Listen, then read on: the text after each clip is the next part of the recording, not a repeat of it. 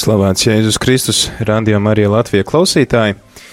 Šodien ar tevi rīta cēlienā ēterā esmu es priesteris Pēteris un šodien turpinot atzīmēt kristiešu vienotības nedēļu, kad īpašā veidā lūdzamies par kristiešu vienotību un par iespēju rast izlīgumu, varbūt arī tādos konfliktos, kas ir jau pat gadsimtiem ievilkušies ne tikai vairāku gadu garumā. Tad šodien, piedāvā vakar mēs varējām iepazīt dažādas kristīgās kopienas, dažādas kristīgās baznīcas. Paldies uh, priesterim Andrim Priedem par šo tādu pārskatu par to, ko mēs varam sastapt šeit Latvijā. Tad šodien uh, mazliet pārunāsim par to, kāpēc vispār par tādu ekumēnismu mēs runājam, kāpēc uh, un uh, kā tad ir notikušas kaut kādas šīs šķelšanās un šīs nesaskaņas starp baznīcām, baznīcu pārstāvjiem. Tāpēc šodien kopā ar mani šeit rādījumā arī Latvijā ēterā ir Latvijas Nacionālās bibliotēkas pētnieks, vēsturnieks Gustavs Strēnga. Labdien! Labdien! Uh, jā, ir, ir tātad dažādas konfesijas. Mēs vakar iepazinām veselu tādu plašu buķeti, kādas mēs varam sastapt šeit Latvijā. Un uh, ir uh, šī ekumēnisma kustība, kas tiecās uz to, lai savestu atkal kristiešus kopā. Um, jā, kā tas tā nākās vēsturē, ka baznīca ir konflikti, kas pat gadu tūkstošiem netiek atrisināti. Nu, ja ņem vērā, piemēram, šo konfliktu ar pareizcīgajiem jau senāku laiku, vai tagad 500 gadus svinam, ko, nu, vai atzīmējam, pieminam kopš reformācijas laikiem. Reformācijas vēsturnieki mēdz teikt, ka šī dažādība, kuru mēs redzam šodien pēc reformācijas, arī kristīgajā baznīcā, kur ir ļoti daudz dažādu konfesiju, ka šī dažādība patiesībā ir raksturīga visam, visai kristietības vēsturei, jo mēs arī atceramies, ka antīkajā laikmetā e, baznīcā, kas pastāvēja Romas impērijā, bija arī dažādi novirzieni, dažādas herēzes. Līdz ar to tas, kas notiek Eiropā 16. gadsimta sākumā, kas ir par pamatu reformācijai un tādai Eiropas reliģiskai sadalītībai, kādu mēs to redzam šodien, tas nav nekas no vienas puses, tas nav nekas unikāls jo pašā baznīcā viduslaikos um, ir pastāvējuši daudzi novirzieni. 13. gadsimtā tās ir, um, tā ir valdiešu herēze, skatāmies vēlāk. 14. gadsimta beigās, 15. gadsimta sākumā tie ir husīti, kas uh, Bohēmijā un Morāvijā nostājas pret katoļu baznīcu un pret viņiem pat tiek rīkoti krustakāri, Un 16. gadsimts Luters un citi reformatori, kur viņam seko. Un, protams, interesanti tas, kādēļ Lutheram, Zvinglijam vai citiem reformatoriem izdodas patiesībā nodibināt savas konfesijas, kas pirms viņiem nebija izdevies. Tad mēs varam teikt, ka šī 16. gadsimta sākuma reformācija atšķirās vien ar vienu ļoti svarīgu iezīmi. Tā ir politiskais atbalsts šīm jaunajām reliģiskajām kustībām, kāds faktiski pirms tam Eiropā nekad nepastāvēja. Visi valdnieki palika uzticīgi Romas baznīcai un pāvestam. Ja mēs arī atceramies lielo izmu 14. gadsimta, 15. gadsimta sākumā, tad, protams, ir dažādi pāvesti, ir vienlaikus pat trīs pāvesti, un valdnieki mēdz būt viens eh, veido attiecības ar eh, pāvestu Aviņonā, cits ar pāvestu Romā, bet tik un tā viņi ir uzticīgi katoļu baznīcai. Un te pēkšņi 16. gadsimtā uh, ir šī situācija, kur uh, politisku iemeslu dēļ valdnieki izvēlas iet savu ceļu, un viņus vairs arī nav iespējams sodīt, lai gan mēs, protams, redzam, ka visu 16. gadsimtu nogali un 17. gadsimta Eiropā ir ārkārtīgi daudz reliģisku karu un konfliktu, kuros iet bojā daudz, daudz cilvēku. Un šis tolerances laikmets, tad laikmets, kurā tiek pieņemta citāda reliģiska pārliecība, kristīga pārliecība, bet tā ne tāda, kā, piemēram, man vai kādai noteiktai kopienai, bet uh, atšķirīga.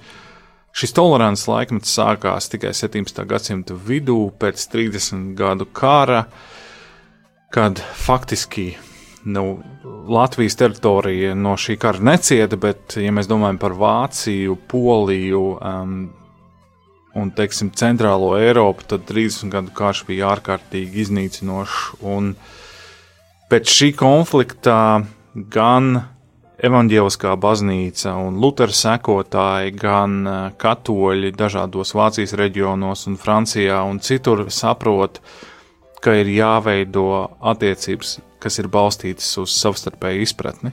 Jo šādā veidā vienam otru nogalinot, pirmkārt, tas ir pret evaņģēlīju un bauslību, bet otrs, nu, tas nevienam nelīdz, jo viņi saprata, ka šī konkurence kura tiek īstenot ar ieročiem, viņa nevienam nesniegs uzvaru. Bet, protams, šī 16. gadsimta reformācija, viņa krīt auglīgā augsnē arī tādēļ, ka pastāv kaut kāda noteikta sociāla priekšnoteikuma Eiropā. Viena ļoti svarīga lieta, ja mēs domājam par reformāciju un īpaši Lutheru, tad ir apzināties, ka tas ir pirmais brīdis Eiropas vēsturē, kurā eksistē plašsaziņas līdzekļi. Jo iespēja mašīna ir izgudrota. Ies, ir, ir izgudrota ies, iespēja mašīna, un teksti tiek pavairoti simtos, tūkstošos eksemplāru, kas, ja mēs domājam piemēram par laikmetu pirms iespiešanas, 14. gadsimta beigās vai 14. Gadsimta, vai 15. gadsimta sākumā, tad, kad darbojās Bohēmijā jau mans pieminētais Jānis Huss, viņš varēja tikai sludināt pats vai pārliecināt savus līdzbiedrus, citus um, čehu brāļus, sludināt evaņģēlīju tādā garā, kādā viņš uzskatīja par pareizu, un teikt, ka uh, evaharistija ir jāsaņem visiem ticīgajiem zem divām zīmēm. Un viņi varēja rakstīt tekstus, kuri citiem bija jāpavairo, bet tas nebija efektīvs un ātrs veids, kā izplatīt savu viedokli. Luters savukārt, bez pārspīlējuma, mēs varam teikt, viņš ir tāds blogeris, jo tās viņa iespējas ļoti ātri savu pārliecību tautas valodā, tā viņa gadījumā tā ir augšvācu valoda, izplatīt bija nu, fenomenāls, ar ko nevar salīdzināt ar citiem laikmetiem pirms 16. gadsimta sākuma. Un tas ir tas ļoti svarīgs, svarīga šīs reformācijas iezīme, jo uh, Jo mēs zinām, ka Eiropas kultūrā, arī Katoļu baznīcā, ir bijušas vairākas reformācijas, kuras nav bijušas tik vārdarbīgas, bet būtiskas pārmaiņas, reformas baznīcā ir notikušas nepārtraukti. Bet uh, arī mediju ietekmē un politikas ietekmē šī 16. gadsimta reformācija ļoti būtiski sašķeļ uh, rietumu kristietību tādā veidā, kā tas nav pastāvējis pirms tam. Paldies! Atgādinu klausītājiem, ka šodien ar jums ēterā esmu es, Priesteris Pēteris, un man līdzās arī uh, Latvijas Nacionālās Bibliotēkas pētnieks un vēsturnieks Gustavs.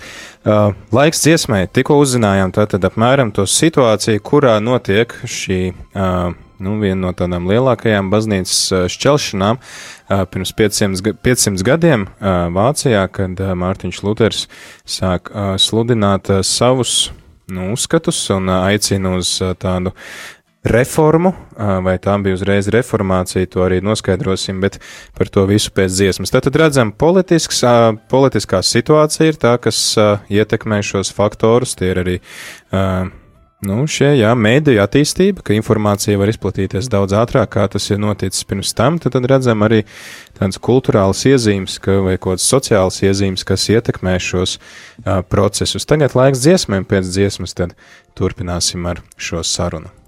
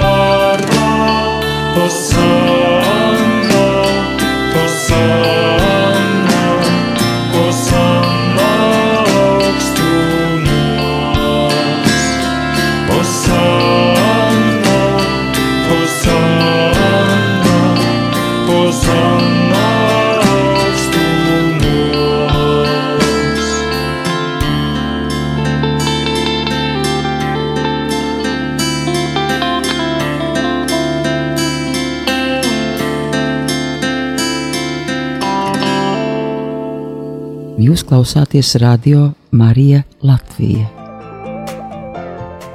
Rādījām arī Latvijā ēterā turpinam iepazīt uh, vienu no iemesliem, kāpēc uh, šodien mums ir uh, nu, jā, jāatzīmē šīs uh, lūkšana nedēļas par kristiešu vienotību un uh, jāmeklē veidus, kā samierināt dažādas uh, kristīgas kustības.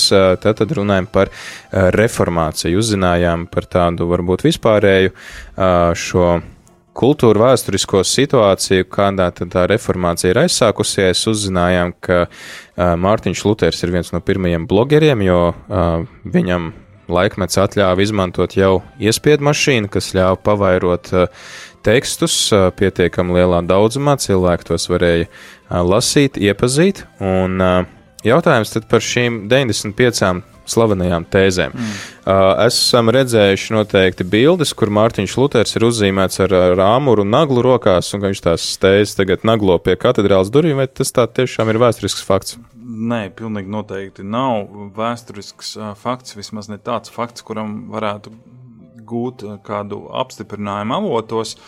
Tas ir vēlāk, daudz vēlāk, iespējams, simts gadus vēlāk radīts tēls, kurš, protams, rāda tas Lutheru kā varoni, kā cilvēku, kurš uzdrošinās rīcībai. Jo neapšaubāmi tas um, tā aina, kas tiek uzbūvēta šajos attēlos, visos ir tāda, ka Luters ar lapu rokās dodas pie Vitsenburgas pilsbaznīcas durvīm un tūlīt kaut ko sitīs klāt un pietiekoši drosmīgi, un arī visiem parādot, ka viņš ir atnācis kaut ko mainīt. Tā pati vēsturiskā situācija bija daudz savādāka. Mēs varam droši teikt, ka tajā 1517. gada rudenī, 31. oktobrī, dienā pirms visu svēto dienas, Luters negrasījās veikt kaut kādu revolūciju. Viņš gribēja aicināt um, citus universitātes mācību spēkus Vitsenburgā diskutēt par paša sastādītajām 95 tēzēm. Un te arī ir jā, tas stāsts ir jāsāk ar to, kas Luters ir kā cilvēks. Viņš ir, viņš ir mūks, viņš ir augustīnietis. Viņš ir teologs, viņš ir universitātes profesors. Viņš gan ir cilvēks, kuru 1517. gadā ārpus Vitsenburgas gandrīz neviens nezina. Bet viņš ir arī iekšēji sašķelta personība. Viņš ir ļoti sarežģīts cilvēks ar savām iekšējām personības krīzēm, bet arī cilvēks, kurš augsta patiesības, un to nevar noliegt. Un um, tas pret ko Luters vēršās savā 95 tēzēs, ir baznīcas prakse, vēlo viduslaiku prakse, dot grēku so, sodu atlaides cilvēkiem par noteiktu naudas ziedo, ziedojumu vai maksājumu, kur arī mēs zinām zem vārda indulgence. Es neatceros, kā bija vāciski tas pantiņš, man kursu biedri patīk, vienmēr citēt, bet kā kastē atskan monēta, tāda dvēsele aiziet uz debesīm. nu, gandrīz precīzs, ā, Jā. pre- pre- precīzs ā, citāts, bet um, tā situācija arī nav gluži nu, tik viennozīmīga, jo tas, ko Luters pasaka, viņš uzskata, ka šāda prakse par naudas maksājumu sniegt šo grēku sodu atlaidi nebūtu atbalstāma, un viņš to pamato. Bet nevienā brīdī viņš neapšauba baznīcas mācību, jo indulgences nav daļa no dogmas, tā vienkārši prakse. Un, protams, tas ir ļoti jūtīgs jautājums, jo proti pāvests ir vienīgais, kurš var sniegt atļauju izsniegt indulgences. Un viņš arī saka, Luters saka, ka nu, pāvestam gluži nav tiesības tagad atlaist uh, grēku sodu atlaides mirušajiem. Jo tas ir tas, kas notiek ar šo indulgenču praksi, ka jūs iegādājaties šo grēku sodu atlaidu, kas, kas nav piedošana. To droši vien radio um, arī klausītāji saprot, ka tad, kad arī šodien kāds no mums dodas pie grēksūdzes, mums priesteris piedod grēkus, bet uzliek gandarījumu darbus, kas ir jāveic, un šī samaksa ir tikai par šiem gandarījumu darbiem un nevis par pašu piedošanas faktu.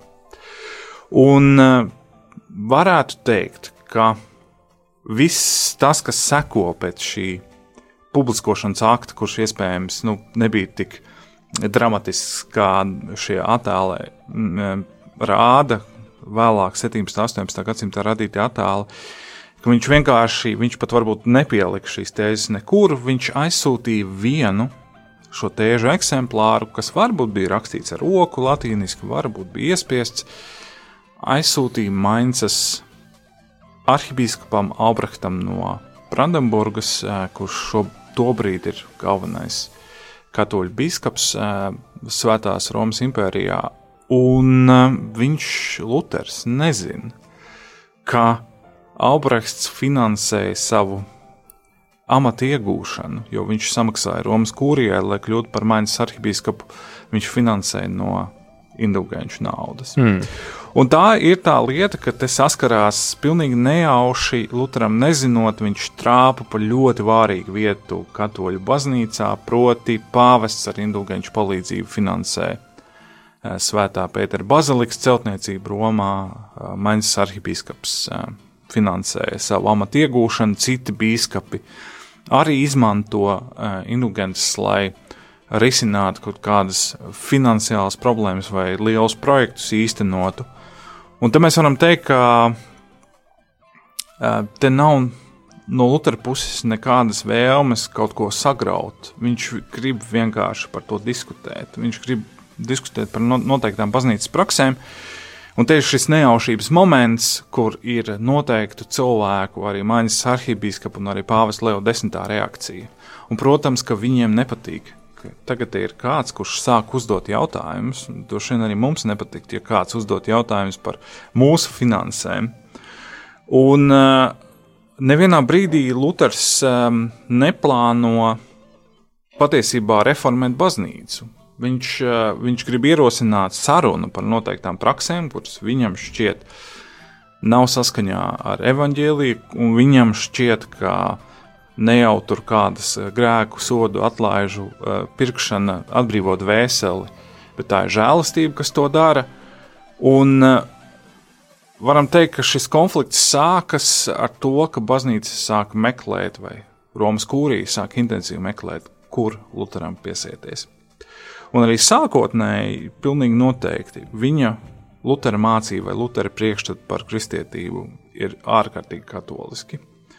Un uh, viņš pat šajās 95 tēzēs, un pat vēlāk, kad ja 1000, pēc, pēc 1521. gada viņu izslēdz vai ekskomunicē no katoļu baznīcas, Viņš neatmet arī domu par šķīstītavu, piemēram, līdz pat 1530. gadam. Tāpat arī mums šodien šķiet, ka evaņģēliskā baznīca vai luterāņu baznīca uzreiz atteicās no, no grēksūdzes. Tā arī gluži nav.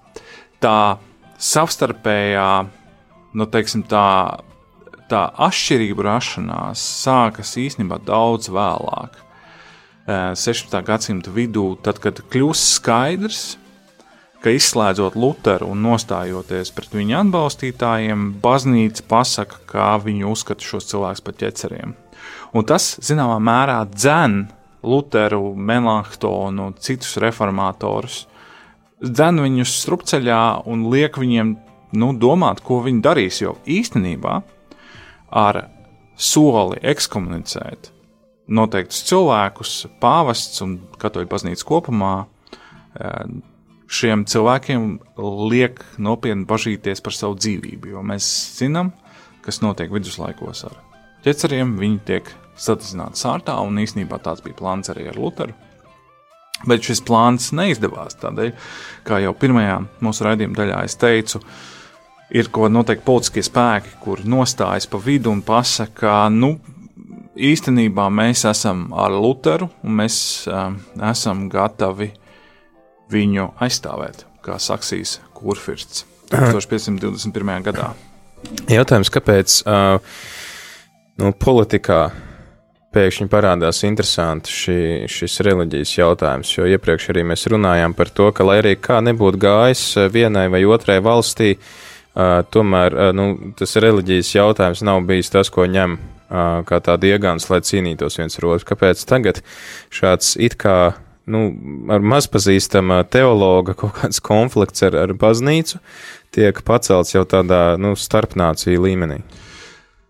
Nu, mēs varam teikt, ka iespējams valdnieki arī saprot, ka tā ir iespēja pašiem ļoti daudz ko noteikt. Un atbrīvoties no garīgās varas kā varas, jo tas, ko arī Luters sludina, eh, un arī citi reformatori sludina, ka nu, tā baznīcas eh, iejaukšanās laicīgā dzīvē, nu, tas nav gluži kaut kas, kas ir rakstīts evaņģēlijā, un tā ir iespēja valdniekiem patiesībā kļūt par galvenajiem noteicējiem, jo mēs, kā no baznīcas vēstures, zinām šī konkurence starp pāvesta varu un ķēzara varu, pastāv visus viduslaikus. Ir jautājums, kurš ir augstāks valdnieks, kuram ir lielāka teikšana.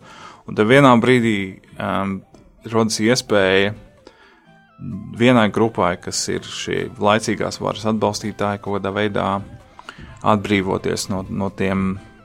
No, no garīgās varas un pašiem kļūt noteicējiem, bet par to mēs vairāk varētu parunāt, tad, kad mēs runāsim par Latvijas situāciju. Jā, droši vien daļa no mūsu klausītājiem zina, ka Latvijas teritorija, konkrēti Rīgas pilsēta, ir viena no pirmajām pilsētām, kas pārņem, pārņem šīs Lutera idejas, un pie mums reformācija notiek ļoti intensīvi, ļoti aktīvi un ļoti drīz pēc šiem notikumiem Vitsenbergā. Un interesanti, ka laikam ir joprojām saglabājušās Lutera sūtītas vēstules Rīgas pilsētā. Ja? Jā, es viņus saucu par vēstījumiem, bet jā, vēstījumiem. Ir, ir saglabājušies. Jā, okay. jā tā tad interesanti, tātad, kā šī visa kustība aizsākās un notika Latvijā, bet par to tad mazliet pagaidīsim pēc dziesmas. Šis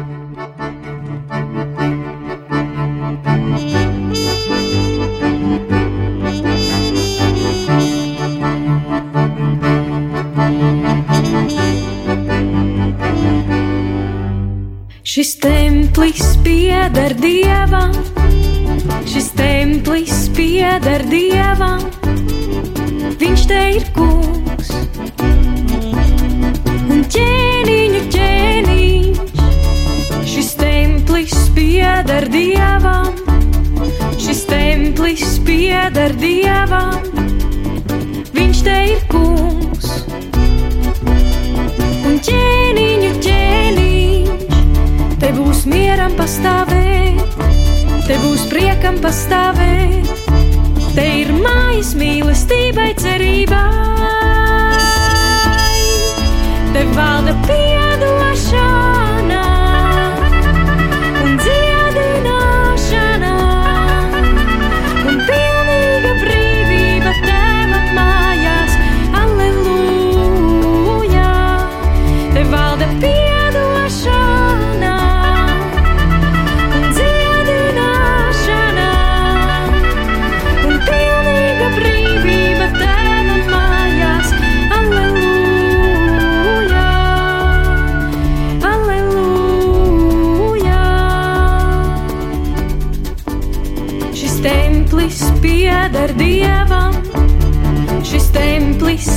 pieder dievam, viņš te ir kungs. Un ķēniņu ķēniņš, šis templis pieder dievam, šis templis pieder dievam, viņš te ir kungs. Un ķēniņu ķēniņš, te būs mieram pastāvēt, te būs priekam pastāvēt, te ir mājas mīlestībai cerībai. Te valda piedošana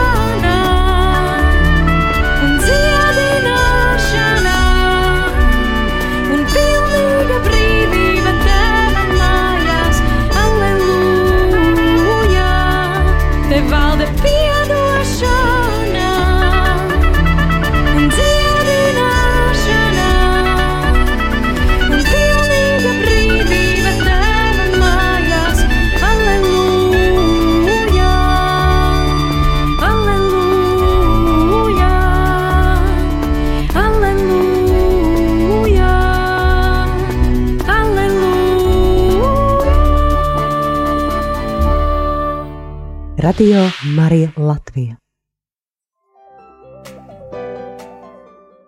Turpinām sarunu par reformāciju, par šiem vēsturiskajiem notikumiem, kas notiek pirms nu, jau gandrīz 501 gada. Uh, 500 gadu šī apaļā jubileja tika atzīmēta pagājušo gadu. Jā, tā tad uzzinājām arī par mazliet to gaitu un arī par motīviem. Mārtiņa Lutera motīviem, ka viņš vēlējās vienkārši precizēt kaut kādus jautājumus, kas viņam kā teologam īsti līdz galam nebija skaidri, bet kā arī mūsu šīs dienas ētera viesis Gustavs saka, ka Mārtiņš trāpīja tādā sāpīgā jautājumā baznīcai, kas, nu, tika arī vērsts pret viņu arī kā tāds varbūt tāds politiskas izrēķināšanās līdzeklis, un te arī redzam, ka iesaistās arī šī politiskā situācija, ka jau valdnieki arī tā sāk iesaistīties šajā it kā parastā teoloģiskā disputā, bet to jau paceļ arī kā tādu iemeslu, lai bīdītu kādas politiskas intereses, kādu valstu apvienošanu vai otrādi šķelšanu un atkritīšanos arī no pāvesta varas, kas tajā laikā bija nu, daudz, daudz lielāka un varenāka, kādu mēs to šodien varam iedomāties. Tad, Jā, mēs pirms dziesmas arī pieminējām to, ka Rīga ir viena no pirmajām pilsētām, kas pārņem šo kustību. Kas ir tas, kas iedvesmo Rīgu, kas ir tas, kas iedvesmo Rīgas iedzīvotājus ar tādu entuziasmu, jāsaka. Jo, ja palasa vēstures liecības, kā ir notikuši pēc tam baznīcas grautiņi un citas lietas, nu, jāsaka, tas ir bijis, tas, tā, tas nebija tā vienkārši tāds modes kliedziens, nu, ja visi, tad visi, jā. Tad. Jā, te ir divas svarīgas lietas. Viena ir, um, kā jau arī iepriekšējā daļā minēju, cilvēciskais faktors ir ārkārt, ārkārtīgi būtisks. Ja mēs domājam par Lutheru, tad ir ļoti svarīga viņa personība. Viņš bija ļoti mm, tāds nu, kaismīgs cilvēks. Droši vien, ja viņa vietā būtu bijis kāds mērenāks, teologs, tad visticamāk tāda reformācija, kā mēs to pazīstam, nebūtu notikusi, bet viņš mēdz aizsvilties, um, viņam raksturīgi bija ārkārtīgi trāpīgi un īstenībā aizvainojoši teicieni, kurus viņš veltīja Romas pāvestam vai kādam citam savam uh, pretiniekam, bet uh, šis te cilvēks, teiksim, cilvēka faktors arī ļoti svarīgs, ja mēs domājam par reformāciju Livonijā un Rīgā, Proti, mm, viena ir šī te reformācijas teoloģiskā sludināšana, kuru veids uh, Andrēs Knopkins, kurš ir katoļu priesteris, kurš Rīgā ierodās jau 1517. gadā, jo viņa brālis Jākops Knopkins ir domkungs un arī reizē priesteris Svētā Pētera baznīcā. Un kādu laiku Andrēs Rīgā darbojās un arī sludina ir arī viens no priesteriem Svētā Pētera baznīcā, un tad viņš dodas atpakaļ uz, varētu teikt, savu dzimteni vai vietu, kur viņš darbojās, proti tā ir Treptova Latīņa skola Pomena, Pomerānijā, šodienas Rietumpolijā, un viņš tur strādā kopā ar priesteri un arī skolotāju Johannesu Bugenhāgenu.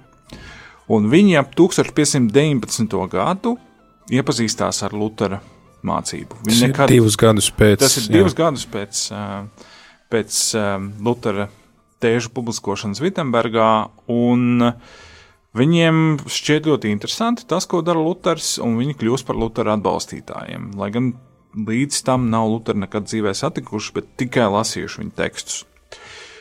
Un 1521. gadā notiek tāda, nu, varētu teikt, ļoti zīmīga sadalīšanās. E, Bugenhāgens dodas uz Vitsenburgu pie Lutera un kļūst par Lutera labo roku. Savukārt, Knopkins, iet, Lutera mācības iedvesmots, dodas uz Rīgu un sāk Svētā Petra baznīcā sludināt evaņģēlīju garā, sāk kopā ar citiem pilsētniekiem, kur visticamāk daudzi ir pilsētas rāds pārstāvji, bagāti tirgotāji, sāk lasīt uh, Svē- Svētā apstuļa Pāvila vēstuli romiešiem un šāk, sāk arī šo vēstuli komentēt. Nevienu brīdi nesakot nevienam, ka viņš ir Lutera sekotājs. Bet te ir viena svarīga lieta. Viens ir sludināt evaņģēliju, otrs ir, ka arī šeit Rīgā ir noteikts politiskais konteksts, kurā, iespējams, neapzinoties šo situāciju, ienāk Knopkins ar uh, savu sludināšanu, proti Rīgas pilsēta kopš uh, 13. gadsimta beigām atrodas nepārtrauktā konfliktā ar Vācu ordeni, kurš Livonijā ir galvenais militārais spēks un kontrolē trešdaļu no Livonijas teritorijas, un Rīgas pilsētai ir arī sarežģītas attiecības ar Rīgas arhibīskapu. Un abi, teiksim, tā, abi šie politiskie subjekti, gan Rīgas arhibīskaps, gan arī Vācu ordenis vai tā, Livonija, vai tā mestrs eh, Livonijā, šie abi politiskie subjekti ir, viņiem ir vāra pār Rīgas pilsētu. Kas ir interesanti, ka tieši Pētera baznīca arī ir kā tāds uh, simbols tam, ka pilsēta ir konfliktā ar bīskapu, sakot, ka mēs paši celsim baznīcu, mums nebūs bīskapa celta baznīca. Arī tāds zīmīgs. Jā, bet, bet viduslaikos spēja kaut kā, teiksim tā, ka eh, Rīgas domkapitulam vai baznīcai ir tiesības iecelt, tikai Rīg- Rīgas domkapitulam pie- ir tiesības iecelt baznīcas, Pētera baznīcas priesterus. Tā ir pilsētas baznīca, kur arī pulcējās un uz dievkalpojumiem bagātākie mm, pilsētas iedzīvotāji, kur altāri ir svarīgākajām pilsētas brālībām un arī mm, kapelas būtiskākajām tirgotāju ģimenēm. Un, jā, Pētera baznīca ir tas tā vieta, kur varētu teikt, teoloģiski sākas reformācija ar Knopkina sludināšanu, un 1522. gada vasarā arī ar disputu starp um, Andrejs Knopkinu un ļoti iespējams Rīgas franciskāņiem, bet varbūt kopā franciskāņiem un dominikāņiem. Un Knopkins, līdzīgi kā Luters, uzraksta savas tēzes, um, tās nav 95, bet gan 24, bet atšķirībā no Lutera, tās tēzes ir, viņas arī ir politiskas. Viņ, mm. Knopkins saka, kāpēc Livonijā biskupiem ir laicīgā vāra, tas neatbilst evaņģēlijam, to nevajadzētu darīt. Un Rīgas rāte ierauga, ka šī evaņģēlīja vēsts ir ļoti labs iemesls, lai atbrīvotos, vai teiksim, tā, tā ir laba situācija, lai atbrīvotos no Rīgas arhipīskapa varas. Un jau salīdzinoši agri eh, vēršas 1522. gadā eh, Rīgas pilsētas rāts sekretārs, kurš pats ir kādreiz bijis katoļu priesteris, vēl pirms reformācijas izstājies no priesteru kārtas, kārtas Johannes eh, Lomillers uzraksta personīgu vēstuli Lutheram, cerot saņemt kaut kādu atbalstu. Viņi gan ļoti ilgi gaida atbildi, un 1523. gadā pēkšņi atnāk viens Lutera vēstījums, un tā nav ar roku rakstīta vēstule, bet tas ir iespiests teksts. Te mēs arī redzam modernās tehnoloģijas, Lutera vēstījums Rīgai, tāda kopumā ir trīs. Nākošā seko 1524. pēc tam 1525. gadā, un Rīgas pilsēta varētu teikt, šī te rāds, kas ir bagāti tirgotāji, kur kontrolē gan ekonomisko, gan politisko situāciju pilsētā, viņi saprot, ka tas ir iedrošinājums, lai vēl spēcīgāk nostātos pret katoļu baznīcu. Bet tas, ko ir svarīgi apzināties, protams, mēs domājot par reformāciju, diemžēl joprojām izmantojam daudzus vēsturiskos tekstus vai vēstures tekstus, kas ir rakstīti 20. gadsimtā, kad pastāvēja šī konfesionālā vēstures rakstīšana, proti arī slavenais Vācu baltiešu vēsturnie- vēsturnieks Leonīds Arbūzovs, kurš uzrakstījis lielu darbu par reformāciju Livonijā, viņa tā kā aizstāv Lutera atbalstītāju rīcību un arī ļoti lielā mērā mēģina šo rīcību pasniegt kā tādu ticības aktu.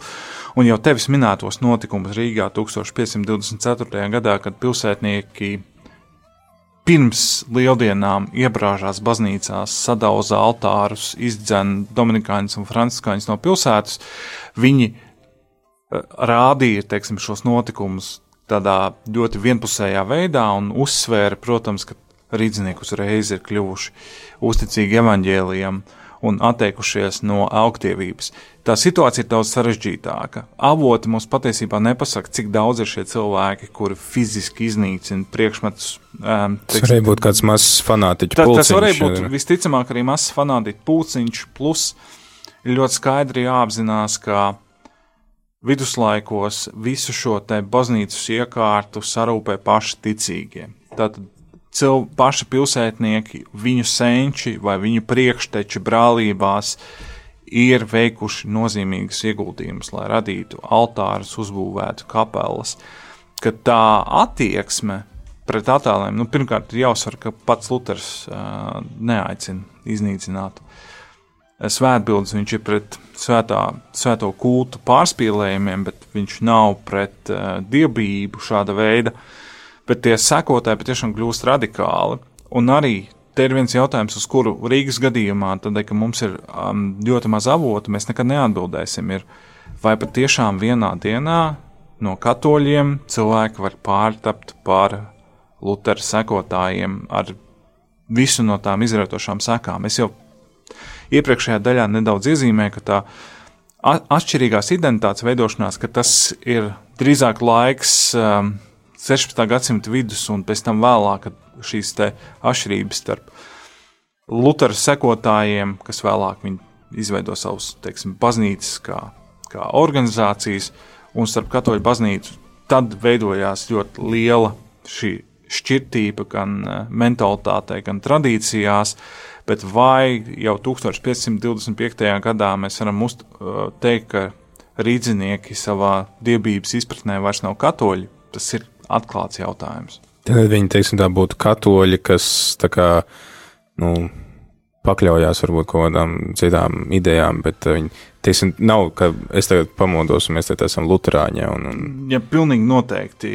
To, diemžēl mums, es jau teicu, Rīgā ir problēmas ar, eh, vai nav saglabājušies šādi avoti, mm. kas ļautu to teikt, bet citur Eiropā vēsturnieki arī pēdējos 20, 30 gadus uzsver, ka šīs pārmaiņas, ka cilvēki savu priekšstatu par to, ko nozīmē ticēt un ko nozīmē veikt ticības darbus, viņi maina ļoti lēnām. Mm -hmm. Tās ir vairākas paudzes, kad no dievbijīgiem katoļiem cilvēki pārto par um, dievbijīgiem uh, luterticīgajiem vai kalvinistiem. Vai ir kāds eh, zināms tāds brīdis, kad uh, mēs varam runāt, ka, uh, nu, teiksim tā, piemēram, a- apustuļu darbos mēs lasām, ka pirmo reizi par kristiešiem Kristus sekotājs sāk saukt Antiohijā. Vai ir kaut kāds zināms pirmais brīdis, kad sāk runāt par luterāņiem kā tādu atšķirīgu reliģiju Um, konfesiju? Īstenībā par konfesijas neatbildēšu, bet Rīgā jau par uh, luterāņiem vai lutera sekotājiem jau sāk uh, runāt um, jau, jau, ap 1523. un 1524. gadu. Bet, protams, mēs zinām, ka apzīmējums protestanti tas nav no paša sākuma tikai 1529. vai 1530. gads, uh, kad ir viens no reikstāgiem ā, šķiet Augsburgā, kur vienkārši to cilvēku, teiksim, to valdnieku un pilsētu grupa, kas atbalsta Lutheru, viņi noprotestē ķēzara lēmumus, un tad viņus tur, turpina saukt par uh, protestantiem. Bet, protams, ka skaidrs ir, ka, uh, ka visticamāk paši šie cilvēki, kur seko Lutheram, viņi sevi nu, nedēvē gluži par Lutheru sekotājiem, jo viņi jau neseko Lutheram, viņi seko Jēzum un evaņģēliem. Mm. Tas jau ir tas viņu galvenais, viņu vēstījumu un, un viņu ticības um, pamatmotīvs. Mēs atgriežamies pie evaņģēlī, pie evaņģēlī vērtībām, un, protams, tas nav nekas unikāls, un Luters jau nav pirmais, kas to sāka, ja mēs paskatāmies uz humanistu darbiem 15. gadsimta nogalē, un uz to pašu Rotterdamas erasmu, kurš līdz savai nāvei paliek uzticīgs katoļu baznīcai, viņi arī saka, ka ir jāiet atpakaļ pie evaņģēlī, ka ir jālasa nevis vulgāts teksts, evaņģēlī Kas ir latīņu teksts, kas ir latīņu teksts, bet ka ir jālasa sengrieķu un senebreju valodās Bībeles teksti. Tā kā tas arī gluži mēs nevaram teikt, ka Luters ir tas, kurš ienes šo apziņu, ka ir jāatgriežas pie saknēm. To jau dara katoļu teologi pirms viņa. Vienkārši Luters ir spiests kaut kādā veidā ak daudz aktīvāk rīkoties un arī gal galā pateikt, kāpēc viņš ir atšķirīgs. Paldies, Gustav. Es domāju, ka mēs arī varam noslēgt šo sarunu. Mēs redzam to, ka uh, temats ir ļoti plašs un ļoti aizraujošs, ļoti interesants. Īpaši mēs iedziļinamies šajā kultūra vēsturiskajā situācijā, arī tajos sociālajos, politiskajos apstākļos, kas ietekmē visas šīs lietas. Um, Visi tie, kas grib zināt vairāk, es esmu redzējis eh, Latvijas Nacionālajā bibliotekā milzīgs plakāts, Luters pagrieziens, vai mēs tur varam uzzināt kaut ko vairāk, smalkāk, jo pēc tam seko ir reformācija, ir kontrreformācija, vēl citi procesi, vai mēs, jā, Ne, izstāde Luters pagrieziens, kur var apskatīties Nacionālajā bibliotekā līdz 4. februārim, viņi drīzāk iezīmē tieši to pagrieziena sākuma punktu, par kur mēs šodien runājām. Jo uztaisīt izstādi vispār par um, uh, Lutheru un protestantismu un um, Luterāņu baznīcu, tas ir, nu, to, to nevar izdarīt, jo tā ir pārāk plaša tēma. Mm -hmm. Mēs arī skaram ļoti plašu tēmu, bet mēs parādām, kādā veidā notiek šī Lutera nostāšanās pret. Mēs arī parādām uh, īsi katoļu baznīca pirms reformācijas un arī parādām to, kas notiek um, šeit, Rīgā, Livonijā, mm. tad, kad Lutera vēsts sasniedz šejienu. Tātad mēs varam doties uz bibliotēku, un līdz 4. februārim mēs varam paspēt apskatīt uh, Jā, šo izstādi. ļoti svarīgi, ieeja ir pilnīgi par brīvu, un mm. izstāde ir atvērta katru darbu dienu bibliotēkas darba laikā. Paldies! Ar, arī ne tikai darbdienās, bet arī brīvdienās. Arī brīvdienās. Paldies, Gustav, paldies, ka atrat laiku būt kopā ar mums, un es ceru, ka tev klausītāji um, iedvesmoja šī saruna, varbūt arī labāk izprast uh, šos vēsturiskos apstākļus, kā ir uh, attīstījušies notikumi, un varbūt tas arī palīdz tev labāk izprast uh, tos cilvēkus, kas pārstāv kādas citas uh, kristiešu konfesijas. Ar to tad mēs arī atvadamies un tiekamies jau nākamajā reizē.